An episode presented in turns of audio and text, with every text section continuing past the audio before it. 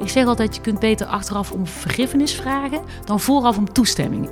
Van praten naar doen en zelf de regie nemen. Je luistert naar de podcast van de Educational Design Expedition. Mijn naam is Mila Marie Bleeksma en in deze aflevering praat ik met Lotte van Kempen, drijvende kracht achter onderwijsvernieuwingen binnen Curio, een groot ROC in West-Brabant. Lotte, je neemt voor de tweede keer deel aan eh, de Educational Design Expedition. En dat doe je niet alleen. Deze keer heb je 41 mensen meegenomen. Waarom vind jij het zo belangrijk dat mensen een eigen regie nemen over het onderwijs? Ik heb heel erg gezien dat het heel erg krachtig is om vooral docenten op pad te sturen. En docenten ook, uh, ik ben zelf ook docent, ik werk in het VMBO, ik geef daar ICT. Uh, om vooral docenten uh, een aantal dagen lang te laten nadenken over wat wil ik nou eigenlijk met mijn les, met mijn, met mijn team, met mijn organisatie. En vorig jaar kwamen wij zo erg in de flow dat ik dacht: dit moeten niet een paar collega's doen. We moeten proberen zoveel mogelijk mensen vanuit Curio hier naartoe te, toe te krijgen. Dus vooral de docent in positie brengen. Dat vond ik zelf heel belangrijk. Ja. En op welke manier vind jij dat belangrijk in de praktijk, in het dagelijkse lesgeven? Ja, ik denk dat wij als docenten uh, heel veel uh, ideeën hebben, maar ook wel heel erg vaak in een hele ad hoc situatie terechtkomen. Eigenlijk in een soort van tunnel van leerlingen die op ons afkomen, studenten die allerlei vragen hebben, waardoor je toch iedere keer niet de rust en de tijd en de ruimte vindt om dat voor elkaar te krijgen. En ik vind het zo belangrijk om het in positie te brengen omdat er zoveel mooi onderwijs van komt. En wat ook weer gewoon heel goed is voor onze leerlingen en studenten. En hoe is die passie bij jou ontstaan? Ja, ik wil altijd al juf worden. maar vooral de passie om uh, of, uh, docenten mee te krijgen. Dat is eigenlijk ontstaan. Ik heb zelf uh, studie Master Leren en Innoveren gedaan een aantal jaren geleden. Waarin ik voor het eerst in mijn leven uh, uh, twee jaar lang met heel veel docenten, basisonderwijs, middelbaar, MBO, HBO, iedere week samenkwam en na, om na te denken over ons onderwijs. En toen dacht ik: dit is zo'n krachtige manier van samenwerken. Ik heb zoveel geleerd in die tijd, wat ik in de jaren daarvoor niet geleerd had, dat ik dat wil ik eigenlijk gewoon doorzetten. En dat probeer ik dan binnen Curio op de kaart te zetten. En ja, dat lukt soms. En dan ja, hier zijn we dan met z'n veertigen. Ja, of 41. Ja. 41. en uh, wat ik zo leuk vond in jouw Twitter-biografie staat: houd van binnen de lijntjes kleuren. Ja. En um, in mijn hoofd gaat onderwijsinnovatie en binnen de lijntjes kleuren niet direct samen. Nee, Hoe nee. werkt het voor jou? Nou ja, ik ben ook wel gewoon een juf. en, uh, dat, dat, dat hebben, en dat vind ik soms wel eens moeilijk om, uh, om toe te geven. Maar ik vind binnen de lijntjes kleuren heel fijn. En ik wil ook uh, daarmee eigenlijk zeggen dat het is niet erg om dingen te doen zoals uh, je denkt dat ze moeten. En zoals eindtermen zijn, einddoelen, kwalificatiedossiers. Dus binnen lijntjeskleuren is heel erg goed. En het staat niet haaks op innovatie, het gaat samen. Uh, maar je moet wel af en toe flink buiten de lijntjes kleuren om iets voor elkaar te krijgen. Dus ik hou van binnen lijntjes, maar ik heb ook gezien, je moet buiten de lijntjes. Ik zeg altijd, je kunt beter achteraf om vergiffenis vragen dan vooraf om toestemming. En dat, uh, dat dus het staat er met je haaks op, maar zo bedoel ik het eigenlijk wel. Ja. Dus eigenlijk zeg jij van dat gaat eigenlijk heel goed samen. Het moet ook samen gaan, want je hebt altijd uh, regels, kaders waar je je aan moet houden. En binnen die regels en kaders, die moet je heel goed kennen blijkt eigenlijk in het onderwijs van Nederland dat daar heel veel ruimte in zit. Maar wij ervaren heel vaak dat er weinig ruimte is. Maar als je heel goed kijkt naar wat echt moet, dan valt dat meestal best wel mee. Dat is binnen de lijntjes. En als je dan de ruimte en de tijd pakt om na te denken: oké, maar als dit eigenlijk alleen maar hoeft, wow, hoeveel meer mag ik dan wel niet doen met mijn studenten en leerlingen daarbuiten? En dat samen laten gaan, ja, daar komen hele mooie dingen van. Ja. En hoe komt dat dat mensen het gevoel hebben dat ze heel weinig ruimte hebben? Ja, ik, ja, dat is een goede vraag. Ik denk uh, dat uh, als ik even terugkijk naar mijn eigen onderwijsloopbaan, daar waar inspectie misschien uh, 15, 20 jaar geleden nog best wel met het vingertje wees, hebben we denk ik in Nederland best wel een omslag uh, meegemaakt dat de inspectie veel meer met ons meedenkt. Maar dat, dat belerende vingertje vanuit de overheid, dat zit misschien nog te veel in ons, in ons systeem, terwijl het eigenlijk al lang niet meer zo is. Het gaat eigenlijk veel meer samen. Niet altijd even succesvol, maar het is niet meer allemaal van de hoge hand en uh, noem maar op. Er is bijvoorbeeld niet voor niks een uh, MBO-brigade in het leven geroepen.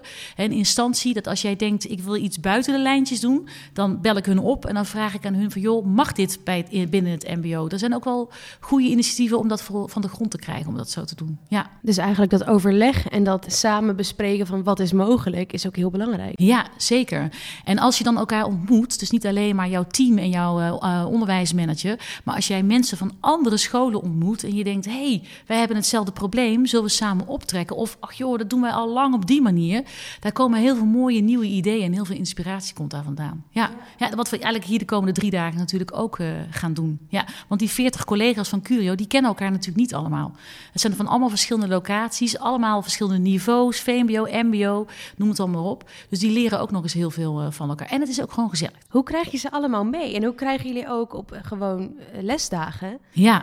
Deze mogelijkheid en ruimte? Ja, kijk, alle mensen die hier zijn, die komen wel gericht met een onderwijsontwerpvraag. Dat betekent dat zij wel met hun manager hebben overlegd, of wie het dan ook uh, is binnen hun team die daar toestemming voor geeft, van dit speelt nu bij ons en daar moeten we nu een slag in slaan.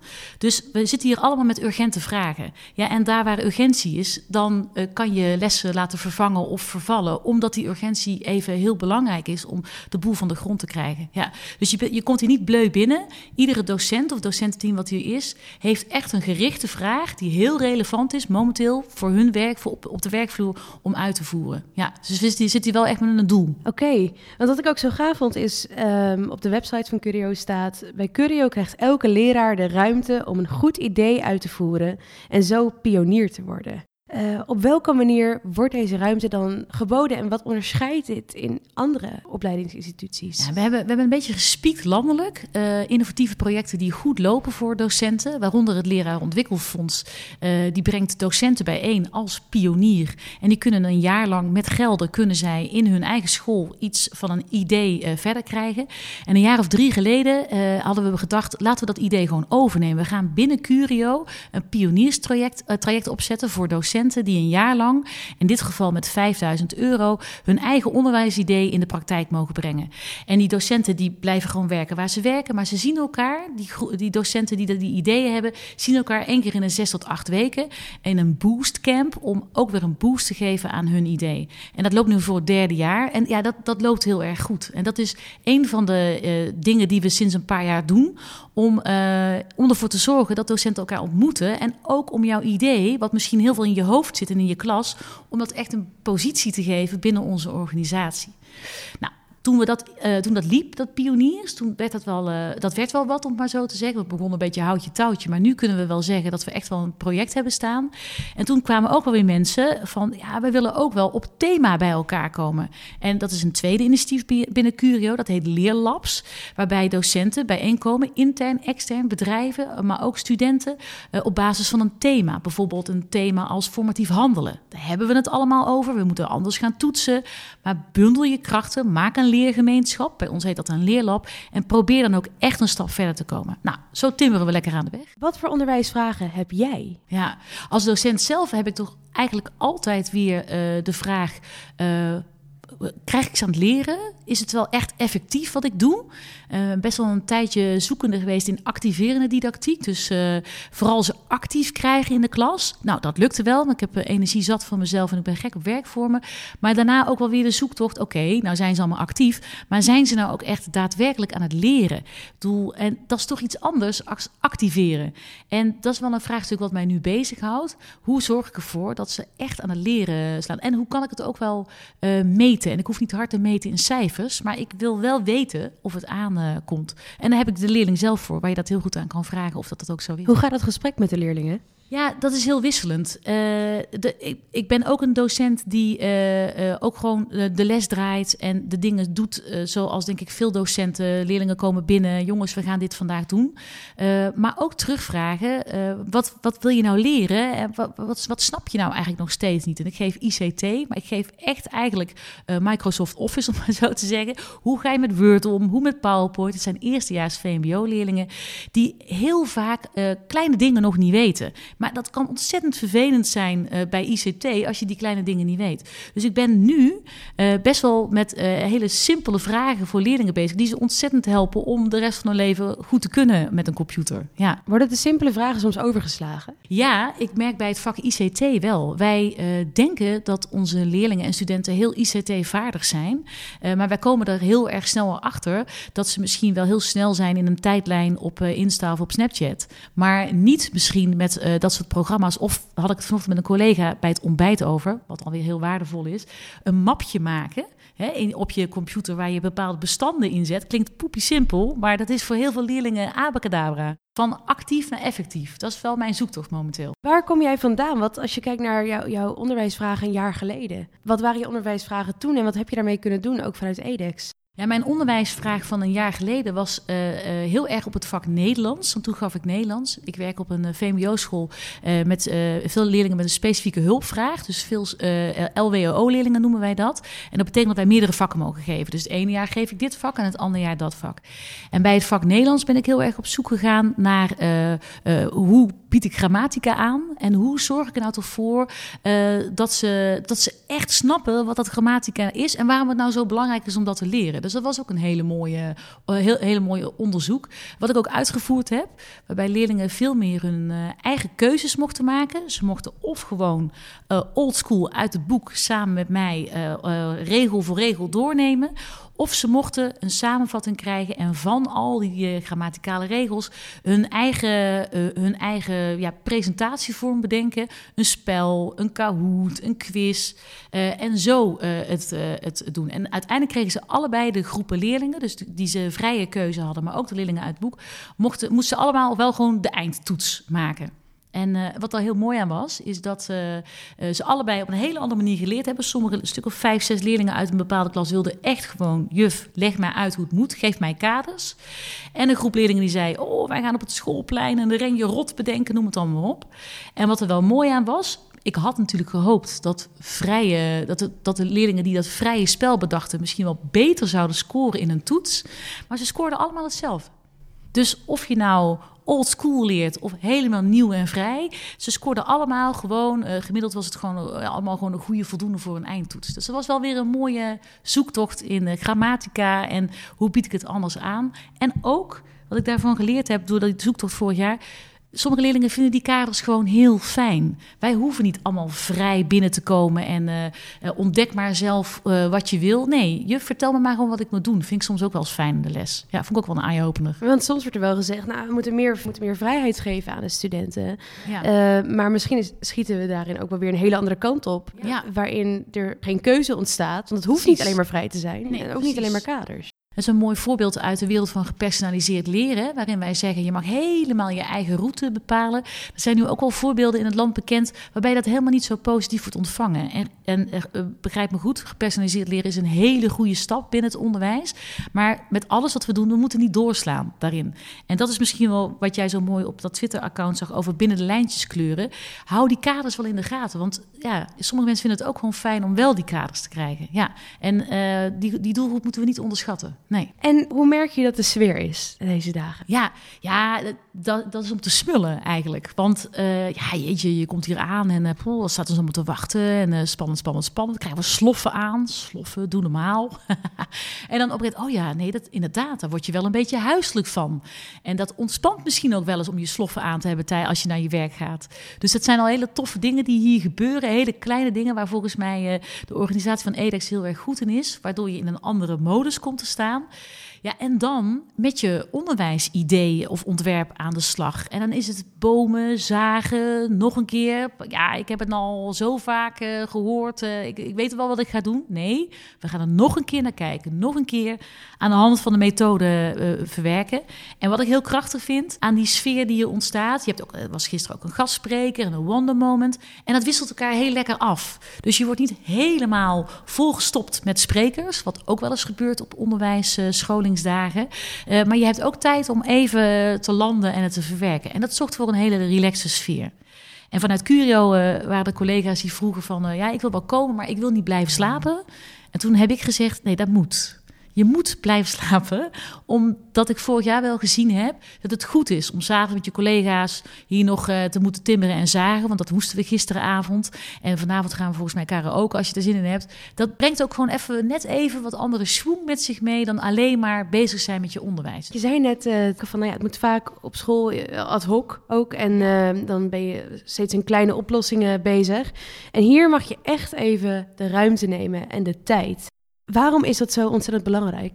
Ja, omdat hier uh, de trage vragen opkomen. En met trage vragen, daar bedoel ik mee uh, dat je heel goed moet weten waarom je de dingen doet.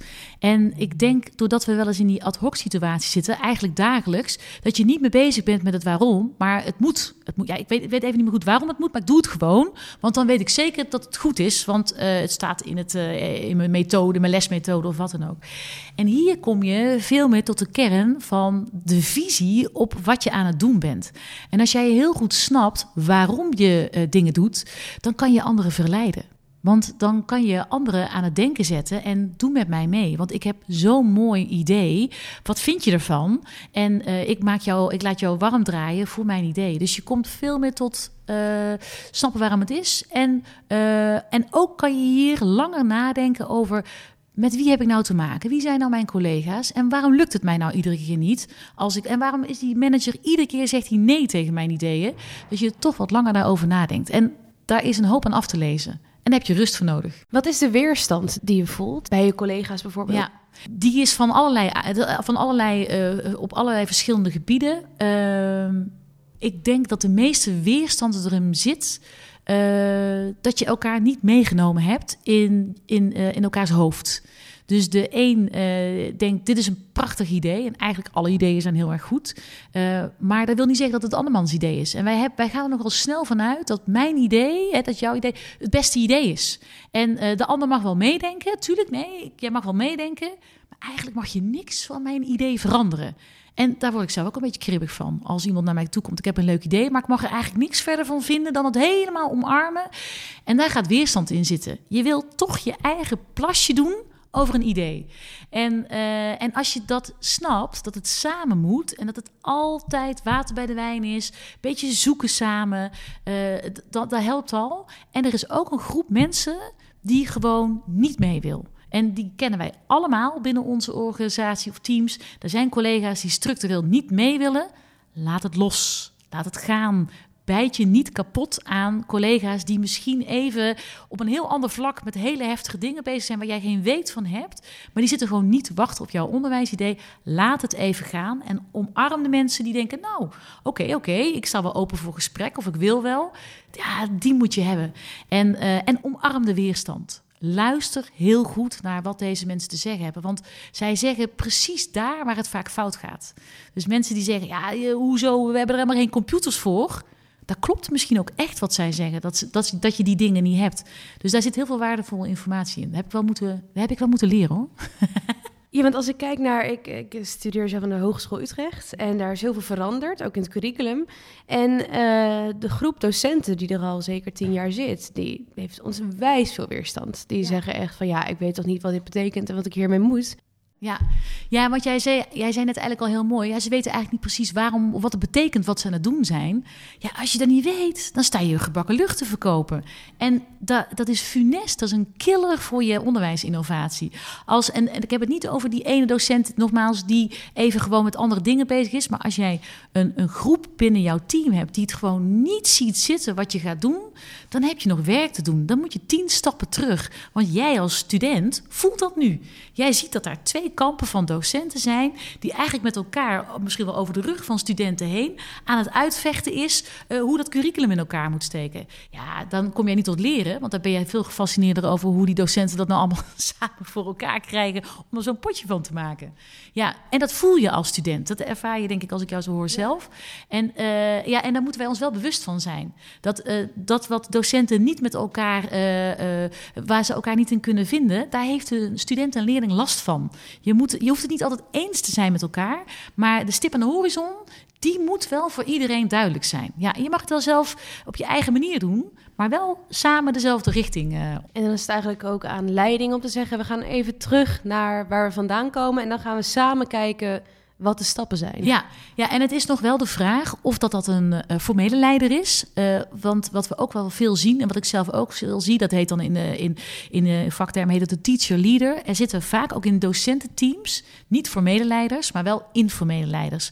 En dat zijn wel hele belangrijke mensen die ook vaak zien waar de weerstand zit. Dat de informele leiders ook echt de senior rol pakken van wacht eens even. Wij zitten hier ons hele team naar de kloten te helpen. Het wordt echt wel tijd dat we met elkaar om tafel gaan zitten waar we elkaar wel in vinden. En dat is waar we, dat gaan we omarmen samen. Ja, dus niet alleen maar de formele leider, ook de informele leider. Een hele belangrijke rol heeft hij uh, in, het, in het verhaal. Ja, van beide kampen. Wat je net al zei, is we hebben eigenlijk bij Curio een beetje afgekeken. Ja. Dat is eigenlijk heel slim, want daar leer je heel veel van. Ja. Denk je dat het eigenlijk heel weinig gebeurt? Dat, dat er heel erg naar je eigen systeem wordt gekeken. Ja. En wat kunnen wij doen en niet wat doen anderen wat wij kunnen leren? Ja, en uh, dat gebeurt heel veel. En dat is toch ook wel wat we allemaal willen. We willen eigenlijk allemaal een nieuw idee bedenken. Maar het is maar de vraag in de wereld van verschrikkelijk veel ideeën of je idee nou zo nieuw is. Dus misschien kun je beter veronderstellen dat jouw idee al bestaat. En ik ga op zoek bij die mensen om te kijken wat, hoe zij dat aanpakken. En ik ga leren van hun ervaringen. Gisteravond was hier uh, degene die het pand Fifth, Fifth Avenue, dat die runt. En hij vertelde over zijn proces van waar hij allemaal inspiratie gedaan, vandaan had gehaald om zijn club te beginnen. En doe dat nou. Denk nou niet, ik kan het helemaal in mijn eentje en ik weet precies hoe het werkt. Nee, ga eerst zoeken wie het idee al bedacht heeft. Dat is wel een, uh, was voor mij echt een eye-opener. Nou, en ik kwam zo bij het Leraar Ontwikkelfonds. Dacht, verrek, dat is hartstikke goed wat zij doen. We nemen er mooi over. Ja. Ja, en dat doen we bij leerlabs, bij leergemeenschappen vormen net zo. Uh, zijn we bij mensen bij andere scholen gaan kijken, ook met scholen gebeld, met Mediacollege uh, Amsterdam hebben we toen gebeld van ja, hoe doen jullie dit? Jullie doen het al een paar jaar. Wat is het succes? En waar zitten pijn, uh, waar zitten pijnpunten waar wij ook rekening mee moeten houden? Weinig ideeën zijn nieuw. Het duurt heel lang om iets te ontwikkelen. Ja. En iets te bedenken. En als je dan later kijkt, oh, oh misschien hadden we dat daar vandaan kunnen trekken. Ja, en vooral aan de mensen die dat dus inderdaad al gedaan hebben, gewoon tips vragen. Hoe, maar, waar liep je tegenaan? En, en dat zijn vaak, ja, dat zijn eigenlijk net zoals jouw collega met weerstand, die geeft jou ook een tip. Maar ja, dat klinkt dan even misschien zo gezellig. Maar het is hetzelfde als mensen die al zo'n onderwijsinnovatie gedaan hebben. Geef mij tips. Wat moeten we doen, maar wat moeten we ook vooral niet doen? Ja, dat helpt heel erg in mooie ideeën tot daadwerkelijk iets te brengen. Want mooie ideeën zijn er genoeg. Maar om ze echt uit te voeren en dan ook nog echt een cyclus daarin te krijgen. Dat het over een paar jaar er nog is. En zelfs dat het idee er is zonder dat jij aan het, aan het, aan het roer staat. Dat is een hele moeilijke opgave. Wat zijn de persoonlijke barrières daarin? Ja, uh, een onderwijsidee wat jij zelf bedacht hebt, dat is op een gegeven moment je, je eigen kind. En uh, daar heb ik zelf ook wel eens last van. Want pioniers is een beetje mijn, uh, mijn baby. En mijn baby begint nou eigenlijk een beetje een middelbare scholier te worden. Die wordt groter. En die moet ik misschien wel gaan loslaten. Misschien moet ik over een paar jaar of misschien volgend jaar al niet meer die pioniersgroep leiden. Maar dat is moeilijk. Want dan krijg je een beetje last van het lege nest-syndroom. En dat is heel lastig om je idee aan een ander over te dragen. Dat is hetzelfde als je een kind opvoedt. Eigenlijk vind je het niet zo heel fijn als andere mensen daar ook nog allerlei dingen van vinden. Want jij wil het op jouw manier doen. En het is jouw kind. Dus ja, het is ook een kwestie van dingen durven loslaten. En, uh, en het ook een ander gunnen om dat idee, uh, ja, misschien ook ineens gunnen. Maar ja, om het uit handen te geven. Dat is wel een uh, hele moeilijke voor heel veel. En daar gaat het vaak ook mis. Dat mensen zeggen, ja, diegene is een ander werk gaan zoeken of gaan, gaan doen. En nou is het er niet meer, onze hele innovatie. Ja, dat, dat, daar moet in het voortraject veel meer losgelaten worden. En andere mensen meenemen wat je doet. Maar ik kan dit, nou zit ik te prediken, maar het, dat vind ik zelf ook heel moeilijk. En wat kunnen anderen dan doen om um, ja, het ook een beetje los te masseren? Ik denk dat ja, dat hoef je niet in je eentje te doen natuurlijk. Nee, precies. Nou, ik denk uh, dat het altijd aan degene die het idee heeft uh, is om anderen te betrekken bij de dingen die die doet. En uh, niet maar een beetje los zand, maar echt te betrekken. bij pioniers werken wij met Critical Friends. Dus ieder pionier heeft een oud pionier die verbonden is aan het project. En die Critical Friends zijn ook mijn, mijn achterban om heel erg tegen mij te vertellen: Lotte, dit gaat goed of uh, dit moeten we anders doen. Uh, maar daar zou ik nog wel een verdiepingsslag in kunnen maken. Door te zeggen: ja, Critical Friend, we positioneren jou ook. Dus ik krijg uren voor de dingen doe, uh, die ik doe, een critical friend ook. Maar misschien moeten we die nog veel meer in positie komen, waardoor mijn positie wat meer op de achtergrond verdwijnt en een ander meer in positie komt. Maar daar heb ik ook geleerd, dat moet je wel organiseren. Je kunt dan wel zeggen, hey, doe jij die positie? Maar zo werkt dat niet. Je moet het dan ook wel echt formaliseren in uren en in tijd en in, ja, in een positie. Ja. Wat ik merk is dat docenten zeggen, ja, dit wil ik heel graag doen en ik zou dat heel graag overnemen, maar ik krijg er niet genoeg uren voor, dus ik ga het niet doen. Is dat soms ook een ja, een barrière waar het dan stopt. Omdat degene die het over zouden moeten nemen zeggen... ja, maar mijn uren, nee, dat gaat niet Kijk, het is tweeledig. Soms moet je het eerst doen voordat je gaat zeggen dat ik er geen uren voor heb. Want ga eerst nou maar eens kijken of überhaupt jouw fantastische idee wel echt zo fantastisch is. Dus soms zeg ik ook wel eens niet zeuren, maar doen. Ga het nou gewoon eerst eens doen. En ja, dan kost het even kruim. Uh, maar uh, kies er dan misschien voor om jou om, uh, om andere dingen binnen je organisatie misschien wat minder te doen. Je kunt ook al wel vaak in je eigen werkzaamheden keuzes maken. Ik ga dit minder doen en dat meer. Dus ik zeg altijd niet alleen maar over uren, maar ook doen. Kom met een goed voorstel. Ga, als je naar je, naar je onderwijsmanager gaat, dan kom je met een projectplan, met een begroting. Zoveel uren, zoveel kost dat. Dit zijn onze ideeën, dit is onze tijdlijn, dit willen we de komende maanden doen. Niet alleen maar binnenstappen, klop, klop, klop, dit is mijn idee. Je komt met een stuk binnen of met een pitch kom je binnen. Ik nogmaals, verleid ook jouw onderwijsmanager om mee te gaan in die grote droom die jij hebt. En faciliteer daarbij ook je eigen uren door ook heel concreet te maken, deze uh, dagen, tijden. Dit heb ik precies nodig. En als het voor een onderwijsmanager een beetje vaag blijft, dan gaat hij geen ja zeggen. Want die weet helemaal niet zo goed waar hij ja tegen zegt. Dus het is ook wel aan jouzelf om het concreter te maken voor je onderwijsmanager. En nogmaals, neem die onderwijsmanager dan ook mee in de dingen die je, die je doet. Die moet ook warm lopen. Die moet ook denken, ja shit, dat is hartstikke goed voor ons dat jij dat gaat doen. Ja. En dus ga zitten waar de urgentie zit. Dus ga niet een onderwijsidee bedenken op iets waar, waar, al de studenten heel tevreden over zijn. Nee, nee, nee. Pak nou, pak nou dat pijnpunt aan binnen jouw organisatie, want dat is goed voor ons onderwijs. Heb je zelf nog iets dat je denkt, ik wil dit eigenlijk heel graag delen? Ja, ik, nou ja, wat mooi is om te delen is denk ik dat we... Uh, dat het heel belangrijk is dat we als docenten ons uh, elkaar veel meer opzoeken. En uh, dat docenten die, die van zichzelf voelen dat ze een groep mensen bijeen willen brengen, dat ook veel meer moeten doen. En het is niet een kwestie van uren, maar een kwestie van doen. doe dat professioneel. Neem jezelf serieus. Dus neem jouw idee ook serieus en formaliseer dat ook in een projectplan en in een begroting en, en dat soort dingen. En ja, en wat ik al eerder zei, verleid je collega's en maak dingen ook gewoon leuk omheen te gaan. Dus stel jij wil een bijeenkomst organiseren voor jouw collega's. Ik zei het uh, afgelopen week nog tegen onze docenten van de PDG-opleiding. Dat zijn de docenten die zij instromen en net nieuw zijn binnen het onderwijs. En mensen mee moeten krijgen in een onderwijsidee. Als ze naar jouw bijeenkomst komen, dan zorg jij dat als ze binnenkomen, dat ze, wow, wacht even, er gebeurt iets in deze ruimte.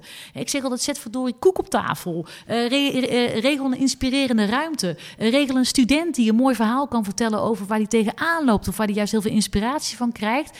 Ja, uh, ja, zorg ervoor dat de dingen die je doet ook echt een ander inspireren en aanzetten om mee te doen met jou. Ja, dus ik denk dat ik dat wel mensen wil meegeven.